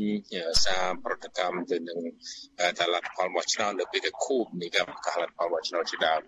នេះជាជាការមិនអោយតម្លៃអឺ រយៈពេល2ឆ្នាំជាប់ជាប់គ្នាប៉ុន្តែរយៈក្រោយ2ឆ្នាំក្រោយហាក់ដូចជាស្ងប់ស្ងាត់ហើយមិនមានមតិយោបល់ទេហើយការអញ្ជើញភាគីកម្ពុជាទៅចូលរួមឬក៏សហប្រធាន ជាជាប្រធានបដូវវេនរបស់អាស៊ានលើកទី3កម្ពុជានេះវាបញ្ជាក់អំពីគេហៅថាទទួលស្គាល់ភាពស្របច្បាប់របស់កម្ពុជានៅក្នុងគេហៅថាស្មារមុខស្មារមាត់ជារដ្ឋ ស្របច្បាប់ទៅប្រជុំនៅសហរដ្ឋអាមេរិកបានក្នុងក្របខ័ណ្ឌអាស៊ានយើងមិនដាក់ក្របខ័ណ្ឌទ្វេភាគីទេគឺក្របខ័ណ្ឌអាស៊ាននេះជាកិច្ចការមួយដែលធ្វើឲ្យអន្តរជាតិចាប់អារម្មណ៍និងផ្ដល់តម្លៃអំពីភាពស្របច្បាប់នេះកាន់តែលេចមុខមាត់ឬក៏ពេញលេញនៅក្នុងក្របខ័ណ្ឌអន្តរជាតិដែលមានសហរដ្ឋអាមេរិកជាប្រទេសមហាអំណាចយ៉ាងហៅថាលេចធ្លោនាំមុខមួយហៅថាចុះចោះបាទក៏ប៉ុន្តែ អត្ថប្រយោជន៍មួយទៀតសម្រាប់ពលរដ្ឋកម្ពុជាគឺកម្ពុជាយើងអាចបានអត្ថប្រយោជន៍ច្រើន ទៅលើការផ្លាស់ប្ដូរទំហំពាណិជ្ជកម្មការផ្ដោតសំខាន់យើងឃើញកិច្ចប្រជុំហ្នឹងគេមានលើករបាយការណ៍លទ្ធផលនៃកិច្ចប្រជុំពាក់ព័ន្ធនឹងចំណុចជាច្រើននៅក្នុងពាណិជ្ជកម្មសេដ្ឋកិច្ចការកាត់បន្ថយហៅថាអូស្មန်ឡើងកម្ដៅផែនដីមេតានកាបូននេះ ជាអត្ថប្រយោជន៍របស់កម្ពុជាប៉ុន្តែអ្វីដែលខ្ញុំចាប់អារម្មណ៍ជាងគេនោះគឺការលើកស្ទួយសិទ្ធិមនុស្សដូចកញ្ញាសេងជរីលើកឡើងអំញ្ញមិញហ្នឹងគេមាននៅក្នុងចំណុចទី1នោះគេពាក់ព័ន្ធខ្លាំងទៅលើការឲ្យតម្លៃទៅលើសិទ្ធិមនុស្សនិងប្រជាធិបតេយ្យហ្នឹងជាកិច្ចការមួយដែលអឺយើងឲ្យតម្លៃខ្លាំងនិងមានចំណាប់អារម្មណ៍ចំណុចមួយទៀតគឺប្រតិភិសហរដ្ឋអាមេរិកហ្នឹងបាន ហើយតែចេញសេចក្តីថ្លែងការណ៍មួយពាក់ព័ន្ធទៅនឹងការគ្រប់នៅស្មារតីកិច្ចប្រំពៃរបស់ប៉ារីសនឹងក៏ជាបញ្ហាមួយដែលកន្លងមកយើងឃើញភាគីរដ្ឋាភិបាលតែតែថាអឺកិច្ចប្រំពៃនឹងបានចប់ហើយបានបញ្ចូលទៅក្នុងរដ្ឋធម្មនុញ្ញក៏ប៉ុន្តែនៅពេលដែលអន្តរជាតិលើកឡើងជាពិសេសសហរដ្ឋអាមេរិកដែលជាប្រទេសហត្ថលេខីមួយហ្នឹងនៅក្នុងចំណោម19ប្រទេសហ្នឹង19ហត្ថលេខីនេះយើងឃើញថាអឺ ស្មារតីកិច្ចព្រមព្រៀងធ្វើឲ្យពលរដ្ឋកម្ពុជាកាន់តែយល់ច្បាស់ថានៅមានសុពលភាពនិងស្ថិរភាពមិនដោយការលើកកន្លងមកទេនេះជាទស្សនវិជ្ជាមួយដែលយើងអាចបញ្ជាក់បាននឹងអត្ថប្រយោជន៍ច្រើនហើយបើសិនបើកម្ពុជាឆ្លើយតបទៅនឹងកង្វល់ឬការលើកឡើងរបស់អឺសហរដ្ឋអាមេរិកហើយនឹងក្របខ័ណ្ឌដែលអាស៊ានដែលកម្ពុជាជាប្រធាននឹងលើកមូលបត់មួយថារក្សានៅមជ្ឈភាពអាស៊ានបាន កម្ពុជាយើងអាចរក្សាបានអត្ថប្រយោជន៍ច្រើនទៅលើការផ្លាស់ប្ដូរទំហំពាណិជ្ជកម្មរវាងសហរដ្ឋអាមេរិកហើយនិងកម្ពុជាព្រោះឆ្នាំ2022កន្លងទៅបើយើងមើលទំហំពាណិជ្ជកម្មគឺធំធេងដែរលើសអឺរ៉ុបទៀតឡើង8000លានជាងហើយចំណុចមួយទៀតគឺសហរដ្ឋអាមេរិកជាប្រទេសមួយមានសម្ព័ន្ធមិត្តច្រើននិងអាចថាជាបងធំមួយនៅក្នុង G7 អីហើយនៅក្នុង NATO ដែរដូច្នេះកាលណាតំណែងការទូតវាត្រូវការ ប្រទេសដែលមានឥទ្ធិពលហើយបើកម្ពុជារក្សាបាននៅអ្វីដែលខ្លួនលើកឡើងនៅក្នុងគោលនយោបាយការបរទេសហើយអរិយាប័ត្រនយោបាយកម្ពុជាអាចរក្សាបានល្អដូចការខែមីនាកន្លងទៅពាក់ព័ន្ធទៅនឹងការគ្រប់គ្រងឬការចូលរួមបង្កើតជំរុញឲ្យមានសេចក្តីសម្រេចអង្គការសហជាតិដូចនេះនៅក្នុងបន្ទាត់នយោបាយការបរទេសនឹងខ្ញុំគិតថាកម្ពុជា បានអត្ថប្រយោជន៍ទាំងនយោបាយការទូតទាំងពាណិជ្ជកម្មជាមួយសហរដ្ឋអាមេរិកបាទបាទបាទអរគុណច្រើនលោកអែមធនរា បាទលោកនាងជាទីមេត្រីសម្រាប់លោកនាងដែលកំពុងតែស្ដាប់ការផ្សាយវិទ្យុអសិរ័យតាមរលកធារកាសខ្លីឬក៏ software ហ្នឹងនឹងមិនលឺការផ្សាយរបស់យើងទៀតទេចាប់ពីម៉ោង8កន្លះនៃពេលបន្តិចនេះហើយសម្រាប់លោកនាងដែលកំពុងតែទស្សនាការផ្សាយរបស់វិទ្យុអសិរ័យតាមរយៈលោកសំទោសតាមរយៈ Facebook ហើយនិង YouTube លោកនាងនឹងលើការផ្សាយរបស់យើងជាធម្មតាហើយ សូមអញ្ជើញបន្តទស្សនានៃការភាសារបស់យើងនេះរហូតទៅដល់ម៉ោងរហូតទៅដល់ម៉ោង9យប់បាទបាទអញ្ចឹងចង់ងាកទៅទៅកញ្ញាសេងធារីវិញលោកអានធនរាបានលើកឡើងហើយអ្វីដែលកម្ពុជាចំណេញហ្នឹងគឺចំណេញទាំងការទូតហើយនឹងការហើយនឹងការធ្វើពាណិជ្ជកម្មជាមួយអាមេរិកកញ្ញាក៏បានលើកឡើងដែរថាកម្ពុជានឹងចំណេញនឹងគឺមានពីរផ្នែកមួយផ្នែកចំណេញទៅខាង របបលហ៊ុនសែនហើយមួយផ្នែកទៀតក៏ចំណេញទៅដល់ជាតិទាំងមូលដែរខ្ញុំចង់ឲ្យកញ្ញាបញ្យលចំណុចទាំងពីរនេះបន្ថែមថាតើចំណេញទៅលើរបបលហ៊ុនសែននឹងដោយម្ដេចខ្លះហើយចំណេញទៅលើចំណេញដល់ប្រជាពលរដ្ឋទាំងមូលឬក៏ដល់ជាតិនឹងចំណុចអីខ្លះបាទសូមចេញបាទចំណេញទៅដល់របបផ្ដាច់ការលោកហ៊ុនសែនអឺទីអឺ ជាអត្ថភាពដែលគាត់កំពុងចង់បានជាភាពស្របច្បាប់ជាមួយជំហានធំភាពស្របច្បាប់គាត់អត់មានតាមផ្លូវច្បាប់ទេគាត់ត្រូវការផ្សំតាមតាមព្រឹត្តិការណ៍ម្ដងមួយម្ដងមួយដែលបុកសរុបទៅយើងហៅថា de facto ណាគាត់អត់មាន de jure de jure ស្របច្បាប់តាមធម្មនុញ្ញគាត់មកពីគាត់អត់ស្របច្បាប់តាមធម្មនុញ្ញគាត់ត្រូវការផ្សំ ផ្សំតាមបោះឆ្នោតផ្សំតាមគោលការអញ្ជើញក្នុងកិច្ចប្រជុំបែបនេះមិនមែនអញជាកិច្ចប្រជុំនឹងផ្ដល់ទាំងស្រុងឲ្យជាការផ្សំហើយផ្សំតាមព្រះមហាក្សត្រពេលមានការសេចក្តីថ្លែងការណ៍ពីព្រះមហាក្សត្រនៅលើរឿងអីមួយដែលផ្ដល់ទៅលើរបបផ្ដាច់ការនឹងជាដូចគាត់ជាស្របច្បាប់អានឹងហើយជាងហៅថាជាការផ្សំតាមព្រឹត្តិការណ៍តាមអង្គហេតុមួយមួយ de facto បានចឹងបូកសរុបទៅកិច្ចប្រជុំនេះជាជំហានមួយទៀតជាព្រឹត្តិការណ៍មួយទៀតជាអង្គហេតុធំមួយទៀតដែលគាត់កំពុងផ្សំឲ្យគាត់คล้ายជារដ្ឋាភិបាលស្របច្បាប់ពីព្រោះគាត់ចង់បានអានឹងមែនតើអានេះជាអត្តភាពរបស់គាត់នៅក្នុងការคล้ายជាភាពស្របច្បាប់ហើយមុខមាត់ មុខមាត់យើងដឹងហើយអ្នកណាគេក៏ចង់មានការអញ្ជើញចូលសច្ចវិមានទេតម្រាំមានការអញ្ជើញមកដល់ក្រមអាស៊ានទាំងមូលពួកគាត់ត្រូវការរងចាំ45ឆ្នាំតម្រាំមានការអញ្ជើញមិនមែនអញ្ជើញលោកហ៊ុនសែនជាបុគ្គលទេប៉ុន្តែអញ្ជើញជាសមាជិក ណានៅក្នុងន័យហ្នឹងក៏យើងចង់គូបញ្ជាក់ដែរលោកហ៊ុនសែនចង់ទៀមទាថាមកពីខ្លួនគាត់ជាបុគ្គលដែលគេអញ្ជើញមិនមែនទេគេអញ្ជើញជាសមាជិកមកពីអាស៊ានមានសារៈសំខាន់បានជឹងមុខមាត់ហើយគាត់នឹងយករូបភាពនឹងមកអួតជាមួយប្រជាពលរដ្ឋមិនត្រឹមតែថ្ងៃនឹងមិនត្រឹមតែអាទិត្យក្រោយមិនត្រឹមតែខែក្រោយមកជីវិត មកជីវិតគាត់គាត់នឹងអួតអំពីរូបភាពនឹងពីព្រោះវារូបភាពចេញមកវាអស្ចារ្យមែនពីព្រោះនេះជាសេដ្ឋវិមាននៅ Washington DC អឺប៉ុន្តែអឺហើយផលប្រយោជន៍ចំពោះប្រជាពលរដ្ឋខ្មែរយើងមកពីយើងកំពុងជួបភាពគ្រោះថ្នាក់ហើយ ហើយយើងចង់មានអ្នកមកជួយអមដំណើរយើង ដែលយើងពេញចិត្តដែលរួមបំណងប្រាថ្នារបស់យើងយើងយើងស្វាគមន៍វត្តមានរបស់សហរដ្ឋអាមេរិកពួកគាត់នឹងជួយយុវជនឲ្យមានឱកាសថែមទៀតទៅរៀននៅសហរដ្ឋអាមេរិកនេះជាឱកាសល្អមែនទែនគាត់បានចាប់ផ្ដើមពីពីលើកមុនហើយតាំងពីប្រជុំបែបនេះ កម្ពុជាពិសេសបែបនឹងលើកទី1នៅក្នុងឆ្នាំ2016ពួកគាត់អាមេរិកបានបង្កើតស្ថាប័នមួយហៅ YSEA YSEA